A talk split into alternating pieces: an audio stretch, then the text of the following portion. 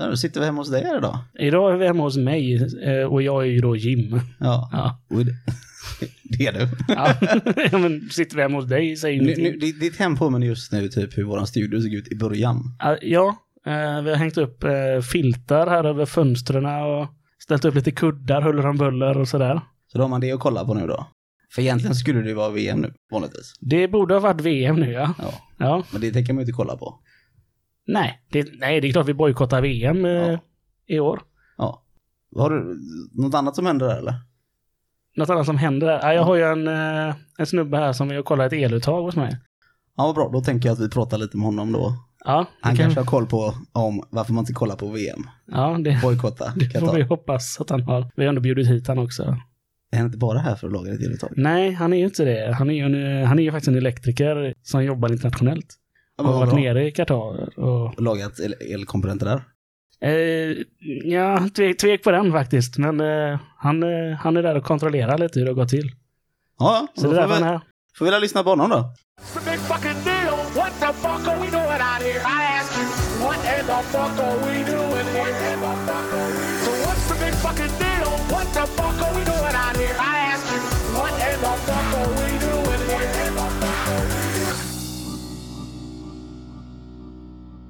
Jonas Eriksson. Nu är du här. Och vad är det du håller på med egentligen? Jag vet att det är... till skolinformation eh, av olika slag runt om i Göteborg primärt.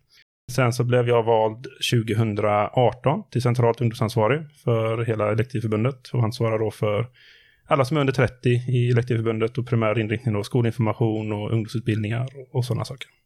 Och det har jag varit nu fram till kongressen som var. Det var bara vad du sa, på fredag. Ja, precis. Fredag, då är det slut. Och sitter in i döden, håller jag på att säga. Men det är... Fredag går mandattiden ut. Ja. Vad, hä- vad händer sen då, tänker du? Ja, det, det vet man ju aldrig. Framtiden kan man inte riktigt veta. Men eh, i nuläget så kommer det bli väldigt mycket ja, ringande inför valet faktiskt. Som det ser ut nu. Du har jobbat väldigt mycket med internationella frågor Mm, för elektrikerna. det stämmer. Jag tänkte du kunde få berätta lite. Alltså, vad, om man börjar så här, vad, vad, varför behöver man jobba internationellt i Elektrikerförbundet?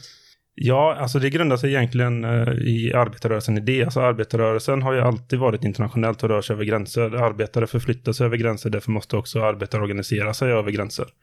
Eh, så själva arbetet och liksom arbetssättet är ingen skillnad egentligen från Sverige eller om du är i Bangladesh eller om du är i Indien. Det är liksom, vi måste organisera oss för att kunna driva våra frågor kollektivt. Och av den anledningen om vi ser på utvecklingen i världen, om vi kollar till exempel på EU-frågorna, så blir det mer och mer tydligt att vi inom Norden eller inom Sverige behöver driva mer internationella frågor, eh, kanske till och med primär inriktning på EU-nivå. Så av den anledningen så är det viktigt att egentligen alla LO-förbund eller alla förbund generellt är med och bidrar i det internationella arbetet. Eh, Och därför har Elektrikerförbundet haft ett eh, internationellt engagemang under ganska många år nu faktiskt. Vad var det som fick dig bedrivande i att det här vill jag jobba med internationella frågor? Jag fick faktiskt frågan, jag tror det var 2017, eh, och det var inför VM i Ryssland faktiskt, som var 2018. Om, eh, för jag var då skyddsombud och även regional skyddsombud här i, i, i Göteborg. Och då fick jag frågan från våran dåvarande eh, internationella ansvarige på förbundet om jag ville vara med och göra arbetsmiljöinspektioner i Ryssland då, inför VM 2018. Och det tyckte jag ju självklart lät jätteintressant och spännande. Så då, det var faktiskt första saken jag fick göra var att få åka till Ryssland och inspektera en arena eh, inför fotbolls-VM 2018. Det bygger lite på det vi kommer att prata om lite senare också, om Qatar. Precis. Det är samma upplägg där kan man säga. Ja. Vad, vad är det, alltså för mig då som, som nu, nu är Saco som då inte har, har varit ute ett tag här. Vad, vad, är, vad är elektrikernas viktigaste frågor egentligen om man ska beskriva? Vad, vad är det ni jobbar som är den tyngsta fråga? Vår tyngsta fråga är väl egentligen som alla fackförbund att våra medlemmar ska få så höga löner och så bra villkor som möjligt. Det skiljer sig egentligen inte från något förbund skulle jag säga. Vad är det största hotet mot elektrikerna om man säger så då, i, sammanhang?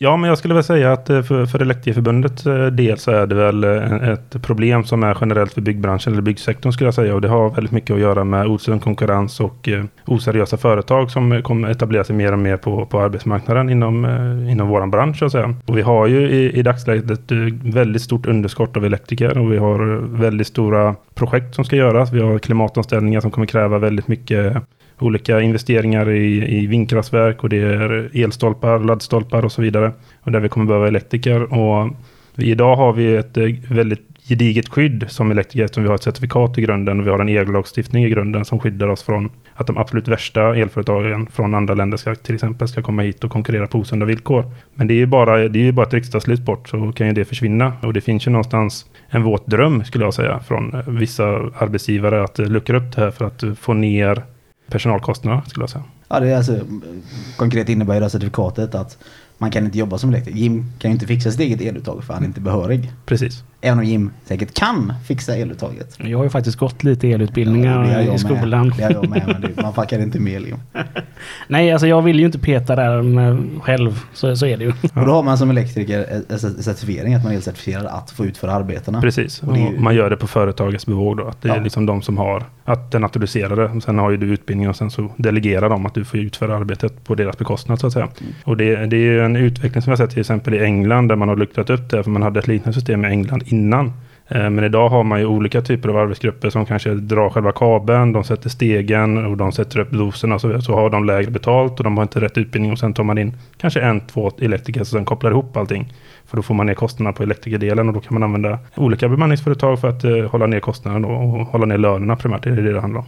Och det är också en sån fråga, kostnad för arbetsgivaren men osäkrare kanske för oss. Oh ja, som absolut. utnyttjar det, att de inte kan dra kablarna på samma sätt. exempelvis. Ja, det blir, det blir också en risk för, för, för kunderna oavsett om det är privatperson eller om det är företag. För det är väldigt svårt att säkerställa att det, är- att det är ett säkert utfört arbete om man har det på det sättet. Mm. Ja, men jag tänker exempelvis på, på svärföräldrarnas grannar som, som eh, de tog in en riktigt seriös målare och, det är liksom, och de ställer krav på kollektivavtal för de är ja, lite till vänster i närhetsområdet. Så, eh, sen kom det ju andra målare i andra kläder som utförde själva arbetet. Mm. Betalade ju en riktig firma men den andra firman hade ju inte kollektivavtal som kom in och liksom utförde själva arbetet. Så det är ju en sån situation man skulle kunna se.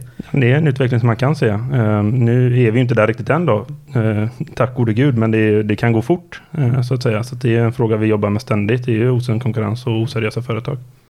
Internationella frågor om man tänker så. Vad, vad, vad är de viktigaste frågorna när man hör eh, dina kollegor när du är ute på internationella projekt att de säger?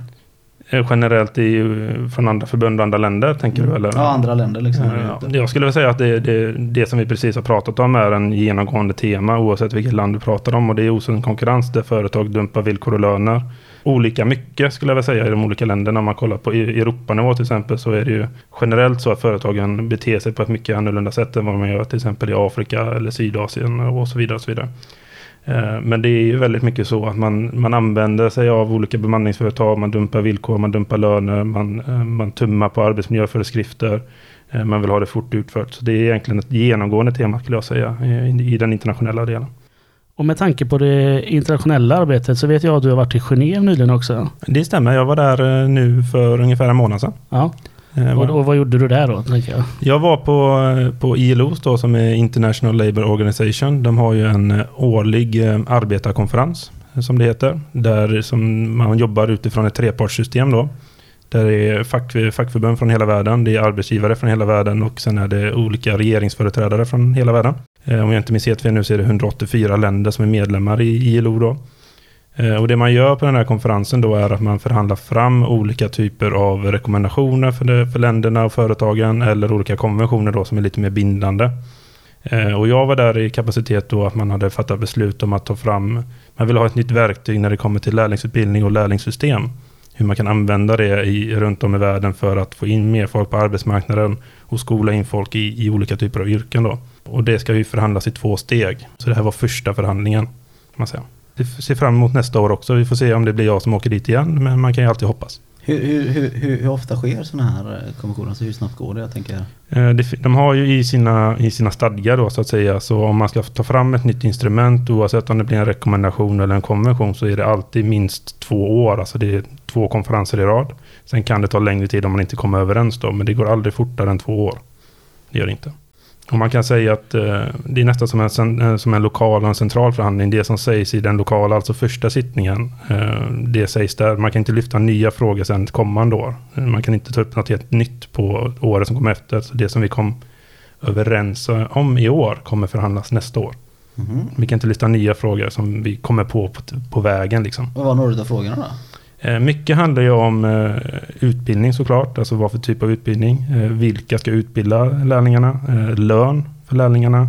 rätten till ledighet i form av semester, rätten till ledighet under graviditet och efter och, sådana saker. Alltså generellt då, rätt till ledighet för graviditet. Mm. Ja, för det är inte självklarhet i hela världen. Det är det inte, det ska jag säga. Vad var det, 40-talet Sverige? Du tittar på mig som att jag borde veta det här. Jag, jag kan faktiskt inte det. Var Jag är ledsen. 50-talet? Jag har ingen aning. Jag vet faktiskt inte heller exakt när jag säger, men det är ju inte helt fel ute tror jag inte. Nej. Ja, det är någonstans där man inte kunde sparka personal så fort de blev gravida. Och så ser det ut över hela världen, eller inte över hela världen då liksom, att man har rätt att vara föräldraledig. Nej, det har man inte. Det ser eh, väldigt olika ut och eh, eh, man kan väl säga att resterande världen ser lite Norden som, som liksom paradiset. Alltså det systemet vi har i Sverige och resterande nordiska länder är liksom så man vill ha det i resten av världen. Eh, I alla fall från det fackliga hållet skulle jag säga. Hur samordnas de här förhandlingarna då? Jag tänker 184 länder som alla har olika viljor. Ja, det kan man ju lugnt säga att det finns olika, olika viljor där. Eh, Men då funkar det så kan man säga att eh, på, på den fackliga sidan eller på arbetstagarsidan så samordnas ju detta från det världsfacket, alltså ITUC då, som är International Trade Union eh, Confederation, som samordnar de här förhandlingarna. Då är det ju alla medlemsorganisationer i ITUC som är liksom med internt och förhandlar med ITUC, vilka ståndpunkter man ska ha, vilka frågor vi ska driva, vad vi ska trycka på, vad vi ska backa på och så vidare. På samma sätt är det ju på arbetsgivarsidan. De har ju någonting som heter IOE, som är International Organization for Employers. Där de har då sina medlemsorganisationer som är medlemmar där och de har ju samma process då. Sen är ju regeringarna är ju alltid självständiga, men de brukar samordna sig. Till EU brukar ju samordna sig och köra en EU-linje. Och då är det ofta de som har ordförandeskapet i EU som är liksom talesperson då för, för EU-blocket så att säga. Mm. På samma sätt gör man till exempel i Afrika, då har man någonting som heter Afrikagruppen och då har man en talesperson för Afrikagruppen då. Och så har man det samma till exempel i Nordamerika och så vidare. Och då funkar det ju liksom, eh, då, då sitter ju jag då till exempel som en representant från LO Sverige i det här sammanhanget. Då sitter jag ju internt i ITUC och driver de frågorna vi vill driva sen i den stora förhandlingen. Men jag, jag sitter ju inte sen i rummet och liksom förhandlar. Då har vi en talesperson som gör det med någon annan talesperson så att säga. Mm. Hur utses de här representanterna då? Det utses ju eh, självständigt eh, från, från ITUC då, så innan själva konferensen börjar så har man någonting som heter Full Workers Group, alltså alla arbetstagare samlas i ett mötesrum. Och det kan vara allt från 300 till 500 personer. Och sen har man liksom att man nominerar och man väljer vilka som ska vara talespersoner för varje kommitté. Och där utser man ju också då ett sekretariat som då för anteckningar och sådana saker. Och så väljer man det på mötet då. Och sen så är det de som liksom samordnar förhandlingarna. Ja. Det är mer än vad jag har koll på hur det här... Det är kul när man lär sig när man har sådana här eh, gäster. Det är det, det, är det som är roligt med gästerna, jag inte bara sitter och pratar med dig och Isak hela tiden. Eh, Men hur utses de här personerna som representerar Sverige då? Ja, det görs ju via, det här är ju liksom samordnat från LO, TCO och SACO. Eh, och då är det ju huvudorganisationerna som utser personer som de vill skicka ner. Mm. Då är det ju så att eh, de som har rösträtt då, så att säga, sen när man väl ska anta förhandlingsresultatet i den st- stora församlingen som är i själva FN-församlingen. Då har ju liksom arbetstagarsidan i till exempel Sverige då har en röst. Så då är det en person från LO, TCO eller SACO. Det brukar vara den organisationen som är störst. Och just nu är ju det LO. Mm. Då har LO den rösträtten då så att säga. Och på samma sen har ju Svenskt Näringsliv har en röst och sen har Sverige eh, en röst då. Men den samordnas via EU oftast. Sen har man då eftersom det är flera kommittéer ofta som sitter samtidigt under den här konferensen så har man ju med sig fler personer. För en person kan inte sitta i sex kommittéer samtidigt till exempel. Eh, Eh, men de har ju bara om man säger rösträtt i själva kommittéarbetet när man röstar fram olika saker. Men när det själv ska antas i den stora församlingen så är det bara den personen med rösträtt då. Eh, och det är en person från varje land. Eh, och varje facklig del från arbetsgivarsidan och sen regeringssidan. Men eh, om du hade en idé du tyckte var bra, kunde du bara lyfta den som du ville då? Eller eh, Lite var det väldigt styrt innan liksom? Alltså vi hade ju, vi, vi hade ju gått igenom innan en gemensam genomgång, LO, TCO och SACO, eh, vad vi har här från Sverige. Vi samordnar ofta i Norden då, de fackliga organisationerna i Norden. Där vi gick igenom vad vi har för ståndpunkter, vilka saker vi tycker är viktiga, vi vill få igenom. Det hade vi på ett förmöte här i Stockholm. Sen väl nere i Genève då när vi har de här eh, arbetstagarmötena där det bara är de fackliga. Då sitter vi och går igenom olika motioner som kommer in, olika ändringar i texten och då har, kan ju vi komma med hur många förslag vi vill och sen om vi inte kommer överens i gruppen så har vi omröstningar. Så, så där har man ju väldigt mycket påverkansmöjligheter för då sätter man ju inriktningen för den här talespersonen då som sen ska förhandla mot arbetsgivarna och mot eh, regeringarna. Sen funkar det också väldigt mycket så när man landar i en ståndpunkt så behöver man också kanske gå och kolla vad tycker ens regering. Så då får man gå och prata med de eh, regeringsrepresentanterna. Är det här en bra idé? Då går ju alla till sina olika regeringar liksom så. Och så kommer man tillbaka och säger ja, vi tycker, de tycker så och de tycker så. Så ingen casual liksom sjätte semestervecka. Nej. En liten sån, kan vi, kan vi slänga in en sjätte semestervecka här? Nej, det kan man inte. det så funkar det inte. Sen är det, det är ganska intensivt arbete där nere också, för konferensen pågår ju i två veckor. Eh, och det är måndag till lördag i två veckor. Det är bara söndag som är, man säger, en ledig dag. Och det pågår ofta förhandlingar från åtta på morgonen till ungefär tio på kvällen. En, eller ännu längre, eh, om det skulle behövas. Eh, Så det, det är väldigt långa dagar och väldigt många diskussioner, både internt med de andra fackliga representanterna från världen, men också med regeringsparten ofta då. Så. Vilka är det som alltså är det svenska regeringen som är där nere då? Ja, det är ofta är det ju personer från eh, arbetsmarknadsdepartementet och sen har de med sig saker från kanske andra departement beroende på vilken fråga det är. Så denna gången till exempel så hade de ju en person från arbetsmarknadsdepartementet men också en från utbildningsdepartementet eftersom det också berörde utbildning då. Ja, apropå internationellt då, då tänker jag att då kommer vi till det här VM. Som var det, för du var, berättade ju att du var i Ryssland. Ja. Hur var det att vara där kan vi börja?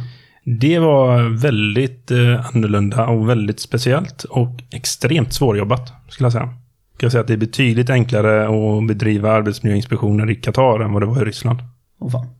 Var, var, var det ett ställe då på Ryssland? Eller åkte du runt i Ryssland? I Ryssland var jag en gång och då var jag på en arena så att säga. Och då var det inspektion av själva mm, arenabygget så att säga. Och sen barackerna där de sitter och käkar och byter om och, och sådana saker. var det inspektioner av. Och hur kommer det sig att liksom, alltså vilka, var ni inbjudna eller var ni, tvingade in er liksom? Eller hur kommer det sig att ni kom, kom dit? Nej, men det, om, man backar bandet lite så det, det hela börjar sig egentligen med det. För Elektrikerförbundet är ju medlemmar i en international. Alltså en, en, en global fackförening som är inom byggsektorn kan man säga. Och den heter BVI, Building and Woodworkers International. De tecknade, jag tror det var 2010, för då var det väl VM i Sydafrika om inte jag minns fel. Eh, De tecknade då ett avtal med Fifa.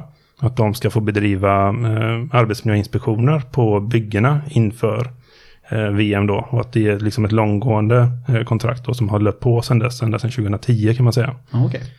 Eh, och då har ju, eh, då är ju de medlemsförbunden inom BVI då har ju fått frågan om man vill vara med i det här arbetet. Och Sverige och Norden är ju väldigt ja, kända som jag sa innan och liksom bedriva väldigt konkret och bra arbete inom arbetsmiljö och många andra delar. Så vi har ju fått frågan då om vi vill vara med i det här arbetet. Och då har ju Svenska Elektrikerförbundet varit med i alla fall sen, vad jag vet, sedan 2018 då när det var Ryssland. Så att säga. Och då fick jag frågan om att vara med och det var liksom första gången jag fick vara med. Men jag tänker när man kommer sådär internationellt. Så kommer du med svenska regler som utgångspunkt. Mm. Hur, hur, hur, hur ställer, får du liksom en crash course i ryska arbetsmiljö? Ja, det, det är Så det man första lever så, man... så är eh, det inget fel liksom. Eller, eh, alltså, alltså, liksom. Nej, men jag tänker vad har man för utgångsläge? Du sitter och skrattar. Jag menar vad har man för utgångsläge? Hur funkar det liksom? Nej, men det, det är det första man får, liksom få acceptera och sätta i relation är liksom att det är väldigt svårt att åka till ett land som till exempel Ryssland och tro att man kan slänga svensk kollektivavtal och arbetsmiljölagstiftning i huvudet på dem och tro att det kommer funka. Eh, om man vill ha någon form av förbättring för arbetarna i Ryssland. Det kommer inte funka liksom. Så det man får är ju, eh, så det funkade när jag var där, då, fick, då åkte vi dit till en stad som heter Nitschki Novgorod tror jag den heter. Ligger lite öster om Moskva. Eh, ganska, ligger eh, längs den här floden Volga, ganska stor eh, flod. Eh, och då fick, hade ju BVI då har ju en lokal anställd eh, personal i Ryssland då som liksom var våran koordinator eh, som skulle samordna detta. Och i, så vi kom ju ungefär två dagar var det väl innan själva inspektionen skulle vara och då fick vi sätta oss ner med henne, gå igenom lite hur det funkar i Ryssland, vad de har för lagstiftning och så vidare. Och då kan man väl säga att när det, i, i fallet Ryssland så har ju de, de har en ganska gedigen skriven på papper arbetsmiljölagstiftning. Eh, jag skulle säga att den är ganska mer gedigen än vad den svenska lagstiftningen är. Problemet är att den inte överhuvudtaget efterlevt någonstans, så att säga. Eh, så när det väl var dags för inspektionerna så gör vi ju det i samråd med Rysslands motsvarighet till Arbetsmiljöverket kan man säga. Som också var med dem med deras inspektörer. Eh, och då kommer man ut till arenan eh, och då var det väldigt så här, för då var det liksom säkerhetsvakter som gick med en hela tiden och på en väldigt lotsad väg genom arenan. Så man fick liksom inte gå iväg och eh, inspektera det man kände för så som man kan göra i Sverige, liksom gå runt på ett helt bygge och själv liksom bestämma vad man vill kolla på och inte kolla på. Utan det var liksom en förbestämd väg, man fick inte prata med vem som helst. Det var liksom specifika bord där man fick gå in och kolla hur det såg ut och så vidare. Och sen så fick man liksom sitta i en lite finare barack där liksom platsledningen satt som hade rinnande vatten och duschar och sjukstuga och grejer medan själva arbetena satt liksom ute i containrar kan man säga som inte ens var isolerade. I Ryssland blev det verkligen så att, det, jag skulle nästan säga inte misslyckande, men det blev väldigt svårt att bedriva ett bra arbetsmiljöarbete för det var liksom inget gehör från varken eh, företagen eller från den statliga myndigheten så att säga. Så det var väldigt svårjobbat i Ryssland. Så där nådde vi inte så mycket framgång skulle jag faktiskt vilja säga om jag ska vara helt ärlig. Mycket korruption och sånt. Ja, eh, och Ryssland är ju ett land som jobbar väldigt mycket, eftersom det är så pass stort land så har de ju väldigt mycket ska man säga, inhemsk eh, invandring kanske man inte ska säga, men liksom de flyttar folk från olika regioner för att hitta billig arbetskraft. För det är väldigt stora skillnader i vad man har för löneutvecklingar i olika regioner i Ryssland och då plockar man från den billigaste regionen och kör det till den regionen och då vågar inte på samma sätt som det kan vara i Sverige. Då. Man vågar inte ställa krav på vilken lön, vilka arbetsmiljöföreskrifter man ska ha. Väldigt svårt att prata med dem om, om sådana saker. Tänker att vi rör oss lite mer mot nutid och det som komma skall här som inte är på sommaren nu utan är, vad är det, november är Precis, november.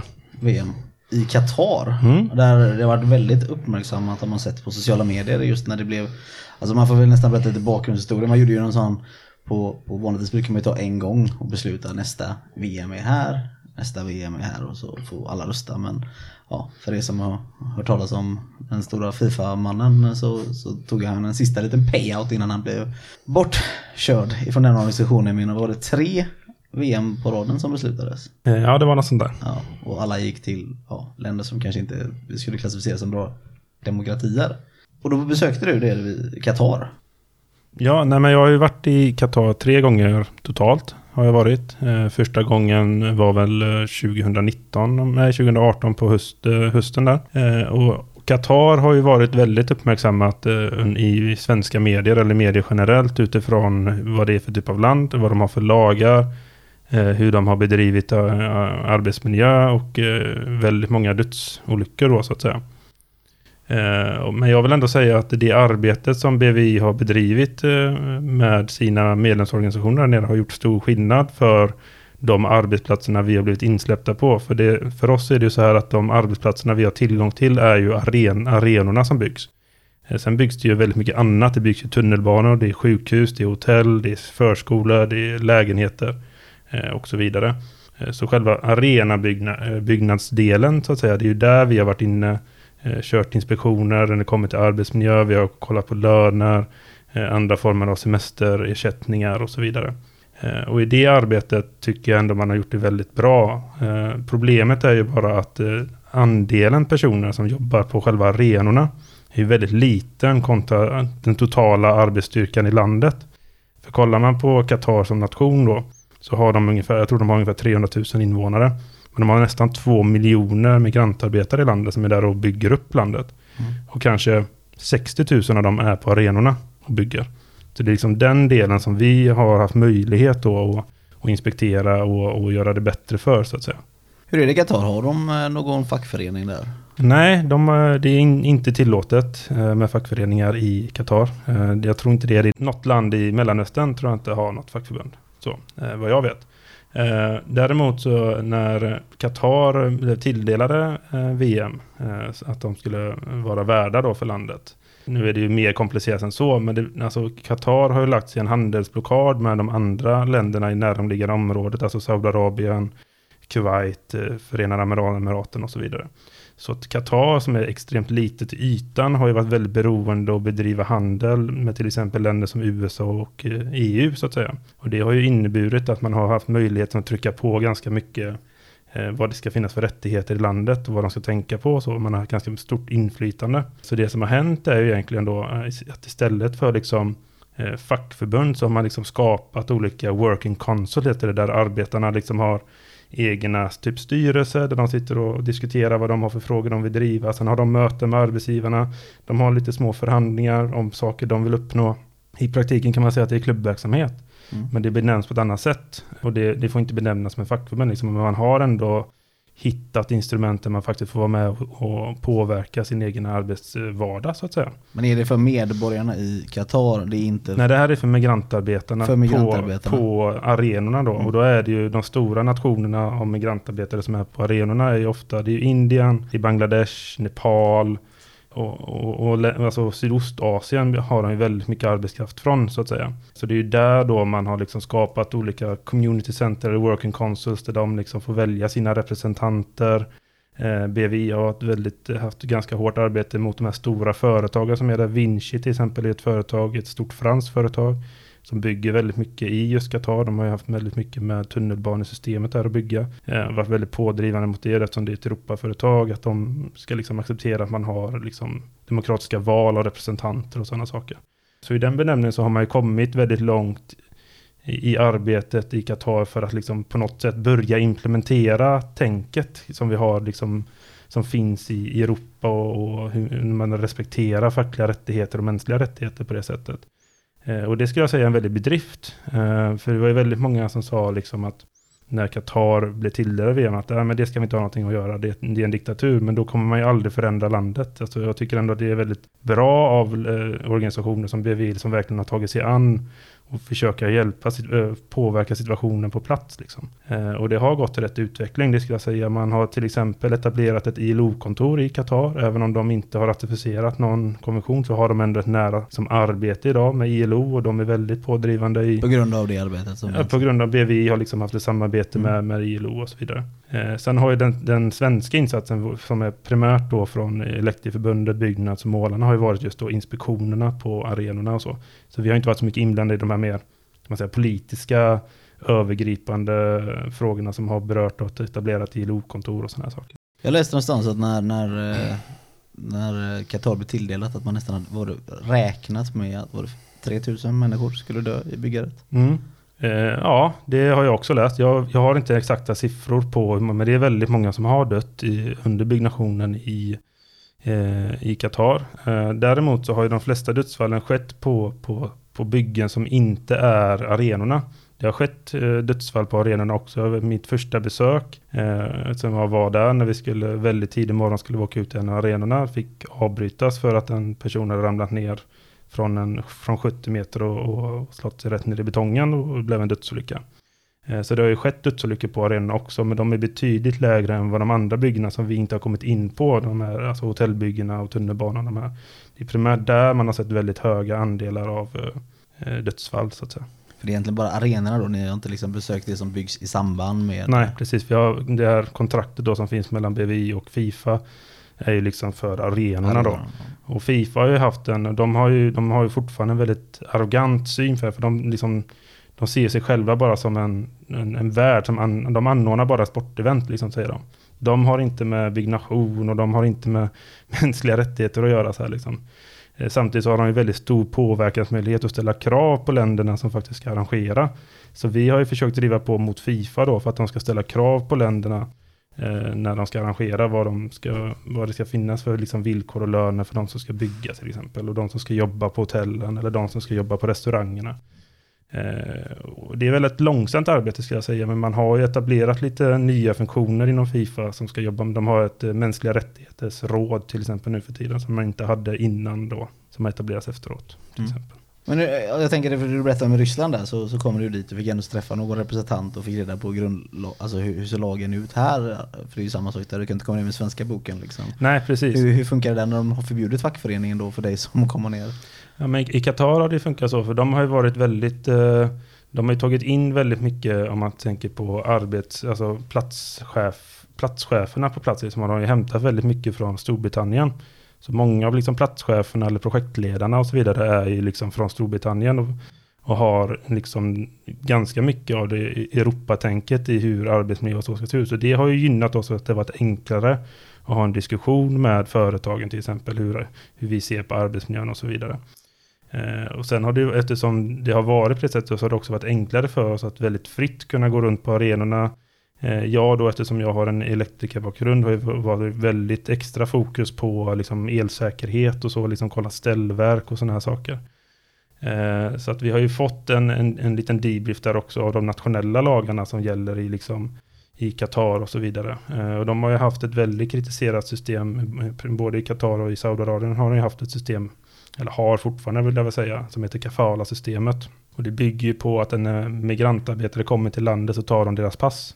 Och så får de inte lämna landet förrän de har gjort sitt kontrakt så att säga. För då är det ofta eh, som jobbcoacher eller bemanningsföretag i deras hemland som lo, eh, lovar guld och gröna skogar att de ska få åka till Qatar, de ska tjäna massa pengar så de kan försörja sin familj. Och så skriver de ett kontrakt kanske på två år eller någonting. Och så flygs de till Qatar och så tar de passen och säger ja, nu ska ni betala av flygbiljett, boende och så vidare. Och så vidare. Ni får inte lämna landet förrän ni har gjort det. Och så får de egentligen ingen lön för de har en massa skulder de ska betala av. Det systemet håller man på att avveckla eh, och i, Qatar har man kommit betydligt längre än man har gjort i Saudiarabien då till exempel. Ja, okej. Så. Eh, Och det är mycket på grund av påtryckningar från till exempel BVI, ILO och så vidare. Och Hur ser, hur ser liksom livet ut för en sån eh, migrantarbetare då? Eh, för de migrantarbetarna som jag har träffat då på då ofta, de, man bygger upp stora, stora byar kan man säga. Av, eh, om man tänker sig en byggbord i Sverige. Mm. Och så bygger man liksom stora städer med sådana byggbordar. Eh, och så bor man, eh, fyra och fyra bor man i ett eh, dubbelrum kan man säga. Där man har egen säng, man har ett eget skåp. Man kan dra iför för att det var för sig själv. Eh, sen har man stora liksom eh, tvättområden, eh, alltså tvättstugor. Så man kan gå och tvätta sina kläder. Man har liksom spelcenter, man har gym, man har en lokal affär och så vidare. Så där har man liksom lyckats etablera så att det ändå finns att man kan ha något form av vardagsliv när man inte är på arbetsplatsen och jobbar, att man ändå har någonstans att ta vägen och göra.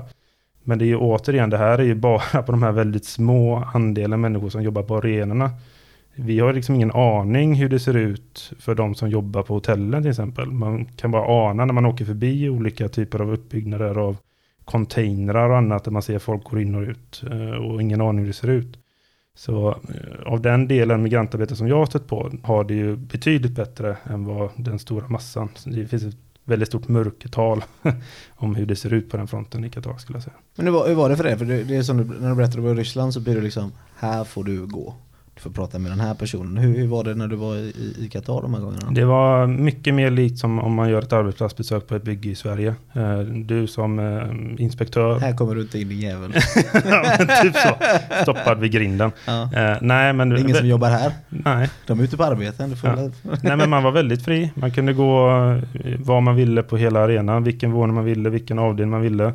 Eh, Man kunde peka, jag vill gärna prata med de här som står här borta. Eh, Ofta behövde man en tolk eftersom de, man, de pratar ofta hindu och det är ett språk som jag i alla fall inte än klarar av att bemästra. Eh, Och så kunde man ha en dialog med dem. Du hade så liten grund i... Så, så där var man ju betydligt fri och liksom själv välja var man ville gå. Man kunde liksom, man, de hade ju liksom en bana, en, en tänkt bana som man brukar ha på en skyddsrond i Sverige också, hur man liksom tar sig runt på ett bygge. Men om man såg något, men, nej men jag vill gå hit och kolla. Då kunde man liksom gå dit och, och, och liksom inspektera. Så det var betydligt mer fritt och öppet eh, att gå runt och inspektera på arenorna. Och det gällde samma sak i boendekomplexen då, som där de bor och äter och sådana saker. Och man Ja, där fick ni också... Ja, helt fritt gå runt. Eh, Vi kunde, man fick ju, självklart så frågade vi om vi kunde få gå in där de bor då, eftersom det ändå är deras bostad. Bara knacka på. Ja, men där, fanns, där fanns ju inte riktigt det, för där, arbetsgivarna de kunde ju bara öppna dörren och gå in, nu kommer vi här. Vi var lite mer så här, ah, men vi knackar på och frågar om vi får komma in. Så. Eh, men vi var också fritt, vi kunde gå till matsalen, gymmet, vi kunde gå till butiken, kolla vad de hade för utbud och köpa, vad priserna var. Eh, vi hade möjlighet att sätta oss ner med, eh, med migrantarbetarna och prata om vad de har för bekymmer. Vi fick, har också haft möjligheten att delta på sådana här, som jag nämnde innan, working consuls, där de valda representanterna då har ett möte och diskuterar vad de har för bekymmer och problem. Och i det mötet då så är ju inte arbetsgivarna välkomna, de får liksom vara någon annanstans. Eh, så där har, ju en, har man ju sett en väldig förbättring och väldigt utveckling. Det som jag är lite rädd för, det är väl vad som händer efter VM. Vad händer när VM är klart? Eh, när eh, alla åker därifrån? Och det kommer fortsätta byggas i Qatar. Kommer den fackliga världen fortsätta vara där och jobba eller kommer vi lämna?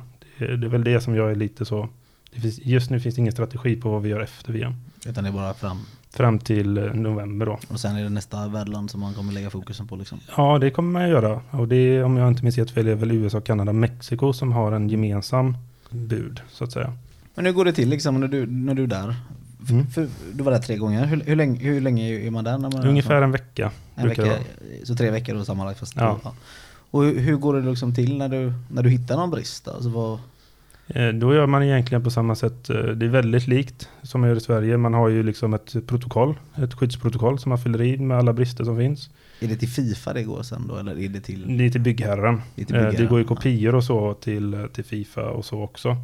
Eh, Det går även till, man har även etablerat någonting som heter SC, eh, som är liksom som en, man säger, en kommitté, den heter Supreme Committee, det är lite intressant namn på en kommitté.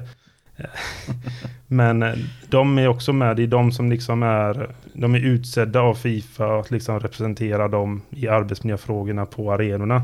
Så liksom dit går hela tiden kopior på om vi, när vi har skrivit protokoll där vi har antecknat eh, våning 8 eh, eh, finns det brist eh, på elcentralen. Det behöver åtgärdas snarast. Tills det är gjort får ingen vara där och jobba.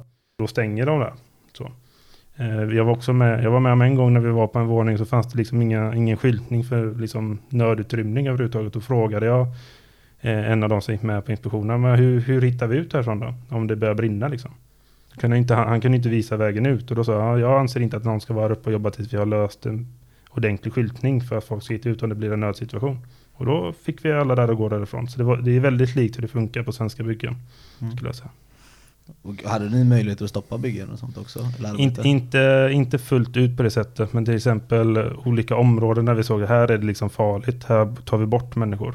Eh, Då var det ju dock i samråd med den här Supreme Committee då. De har faktiskt varit väldigt bra att ha att göra med skulle jag säga. Eh, De har varit väldigt mycket samsyn som, som vi har det. De har varit ganska hårda mot företagen om man ska vara ärlig. Och de är utsedda från, alltså de kommer ifrån? De är utsedda av, av Fifa och även från Qatar som man säger arbetsmarknadsdepartement då. Eh, Så de är liksom utsedda av dem för att bedriva det. Så de har ju också eh, direktkontakt med Qatars arbetsmarknadsdepartement då. Mm. Och rapporterar. Men nu, EM, eller EM, VM har ju inte varit än, så, så hur, hur, är man fortfarande där nere nu och hjälper till? Mm, nu är det ju liksom i sluttampen av byggnationen. Eh, jag tror det är två inspektioner kvar att göra på fyra olika arenor.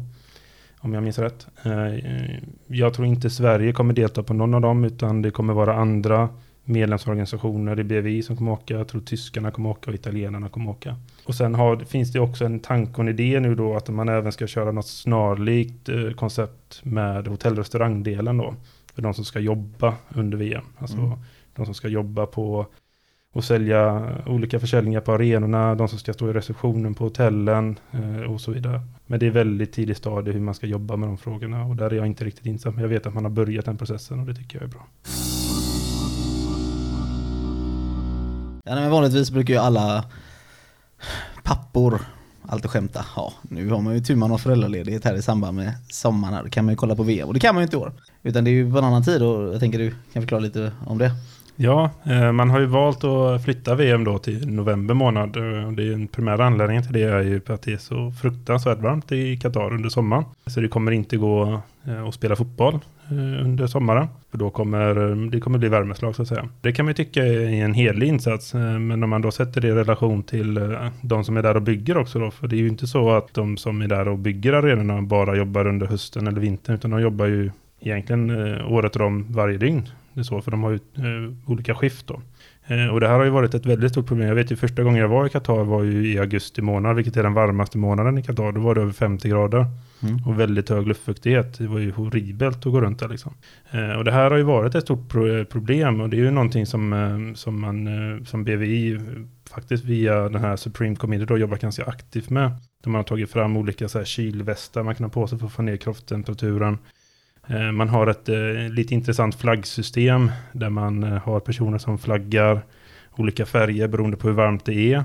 Så det, de har gul, grön, gul och röd flagg. Där grön flagg då är, ja det är okej att jobba, gul flagg jobba med uppsikt, röd flagg nu får du inte jobba längre. Mm. De har också då infört regler på att under sommarmånaderna då, juni, juli, augusti, så får man inte jobba mellan, jag tror det är 11 och 3.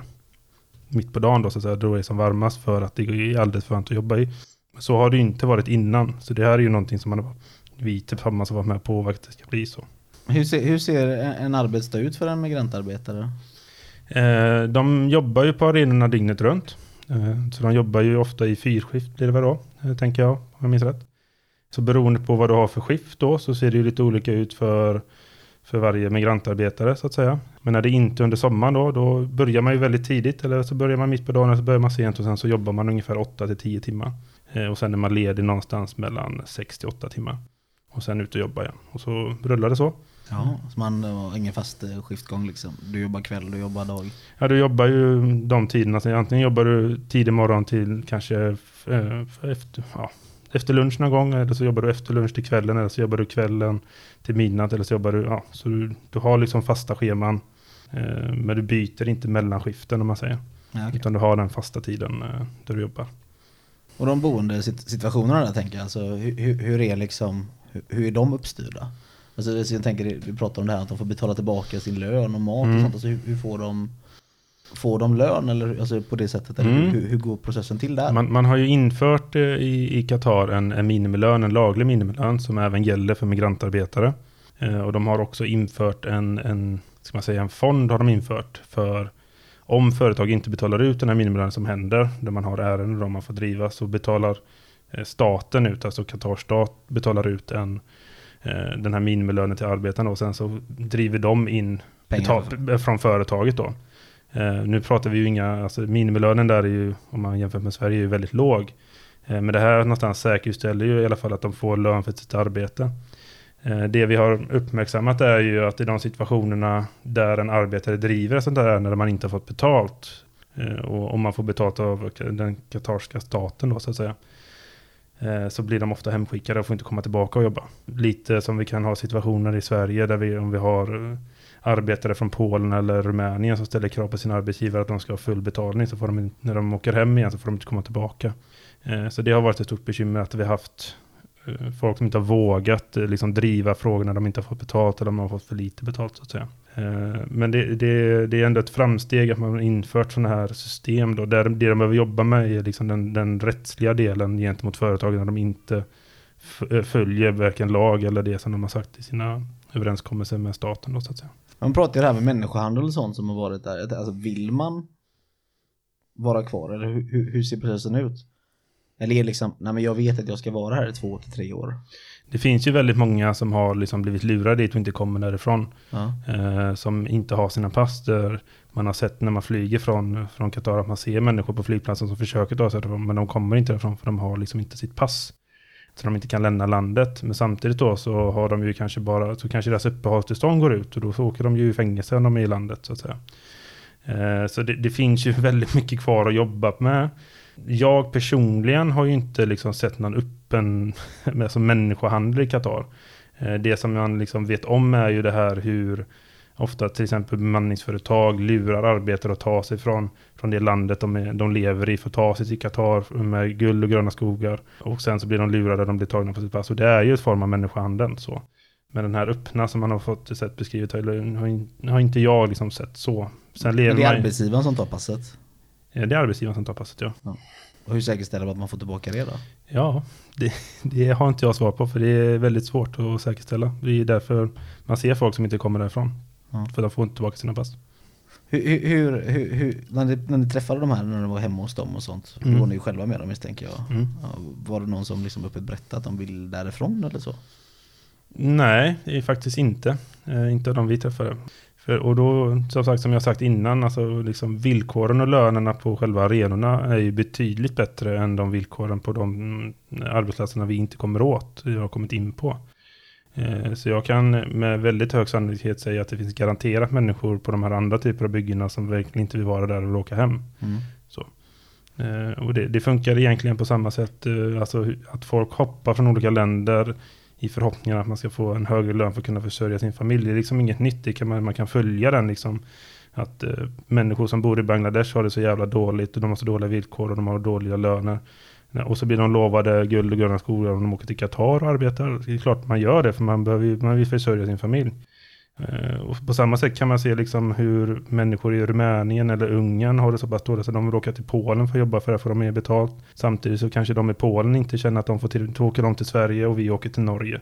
Alltså det finns liksom en, det finns en trappa på liksom en logik i människorna att man vill åka någonstans där man tror att man kan tjäna, göra det bättre för sig själv och för, för sin familj. När man då blir lurad på detta som händer i Qatar eh, så, så tar det ju hårt. Därför är jag ju, jag är ju väldigt glad att man har ta de här stora stegen att liksom ta bort det här kafala-systemet som det heter. Att man tar passen helt enkelt. Men de en- de enda ställena vi kan säkerställa det är ju på de här arbetsplatserna vi kommer in på. Mm. Och där har det ju blivit ordning på det. Eh, men det, det är ju inte borta än. Hade, folk med sig familjen eller reser man själv? Man reser själv. man reser själv? Ja, de som ska dit och arbeta så att säga. De, Och då är man borta liksom från ja, familjen? i, eh, någonstans mellan ett till två år. Ja. Och så skickar man pengar hem då. Ofta via eh, Western Union eller någon sån aktör som skickar pengarna hem då. Ja, nu vill Isak att jag, säkert här att jag ska säga att det finns även andra banker som för över pengar. Ja. Förlåt Isak. hur ser man på, på dig när du kommer ner dit? Alltså, hur, ser, hur, hur ser katarska staten, hur ser eh, den här eh, arbetsgruppen ja, på dig och, och Superior Committee och allt det här? Hur ser man på, på dig liksom? Men jag skulle Har man, säga... har man respekt för, för liksom att nu är du här från, från Sverige och du, du har koll på Mm. din skit liksom? Om man tar till sig eller liksom, åh vad ska den här jäveln hitta nu på oss då? Eh, Jag, eh, min upplevelse, nu har inte jag varit med på alla inspektioner och sådana saker, men min upplevelse är väl att eh, de inspektörerna vi har haft från Sverige och även från de andra nordiska länderna uppträder på så sätt så att man har byggt, man har byggt upp en, liksom en respekt och en ömsesidig förhållande. Eh, där man kan vara öppen och ärlig, man kan ha diskussioner, man kommer inte att slå liksom svenska lagar i huvudet, det är det första man gör, utan man förklarar på hur vi har det i Sverige och varför vi tycker att det kanske är bra att fundera på det här och så vidare. Eh, Så från till exempel Supreme Committee, de personer som arbetar där, där är det väldigt, eh, där är en väldigt bra relation där man kan sitta och diskutera och man kan försöka hitta lösningar eh, på problemen. Sen kan man ju stöta på patrull när man kommer ut till arbetsplatsen och man har en grinig arbetsgivare på samma sätt som man kan stöta på en grinig arbetsgivare i Sverige. Mm. Och, och då får man ju vara lite mer bestämd liksom. Och då får man uppbackning från den här Supreme Committee då, för de är ju också med på inspektionerna. Är det med det? Ja, är de. Jag köper dem det, för jag, jag vet ju bara själv liksom, när jag, jag har varit i Tyskland, Mm. alltså när jag har varit på internationella grejer och liksom så, då, de bara, men ni i Sverige, ni förstår inte. Alltså de har ju ett annat sätt att se Mm. på det, för de utgår alltid från att det värsta ska ske liksom, Mm. medan vi kan köra med en god trohet. Hur ser man liksom det kan man väl alltså, säga, alltså, De är inte, de är inte svenska från, från Supreme Committee? Nej, det är de inte. De är ofta från antingen Storbritannien eller så det kan också vara inhemska från Qatar om man säger. Ja. Eh, Men utifrån att man, har in, man inte har haft den här som man kanske har. Sverige har ju en förmåga annars att åka runt i världen och säga you know the Swedish model. Så kör man ner den i halsen på någon, eh, på någon människa för att det är så guld och gröna skogar. Eh, Det har ju folk tröttnat på. I Tyskland primärt skulle jag säga. De ju tröttnat på att man kör den taktiken. ja, de var inte glada hon på England. Eh, så, och, och där behöver man ju då från svenskt håll och från nordiskt håll behöver man ju tänka om hur man pratar om den svenska modellen. Och, och hur man arbetar med det. Och det är väl, tycker jag väl att vi har varit väldigt framgångsrika med. För vi har byggt upp en stor respekt och en stor bra relation. Både mot eh, den här Supreme Committee men också mot de som är där och, och, och arbetar. Liksom, att vi kan ha den diskussionen eh, och, och försöka nå framgång tillsammans. Istället för att liksom, gör så här så blir det bra. För det har vi haft en förmåga under många år och liksom säga gör som oss så kommer allting bli bra. Mm. Men förutsättningarna ser väldigt olika ut. Om du är i Sverige eller om du är i Qatar eller om du är i Kongo, Kinshasa. Alltså det ser väldigt olika ut. Rött kort till Fifa blev Mm. mm. sloganen. Mm. Det är ju bevis-slogan eh, som man har kört under många år. Eh, och det är en slogan man inte har tagit bort för att man anser inte att Fifa har nått upp till den nivån att man tar hänsyn till mänskliga och fackliga rättigheter när man arrangerar sina, sina event helt enkelt. Eh, de har betydligt mer inflytande och makt att påverka de länderna man väljer att lägga eh, sina ev- evenemang i, eh, som de inte tar. Därav så får de rött kort. Det, de borde bli utvisade hålla på att säga, men de, de behöver göra mer. Det, det är inte acceptabelt. Hur ser, hur ser de på det liksom? Det kanske inte var någonting ni gick runt och skrek när ni var där så, men eh, jag tänker att det ändå på något sätt har uppmärksammat eh, dem. Ja, de, de har ju inte varit jätteglada i alla sammanhang. Eh, vi har ju kört olika, på fotbollsmatcher har vi kört olika demonstrationer. Där det har varit kvalmatcher och sådana saker. Och det tycker de ju aldrig om när, man, när de får dålig uppmärksamhet. Så, då brukar de skrika till.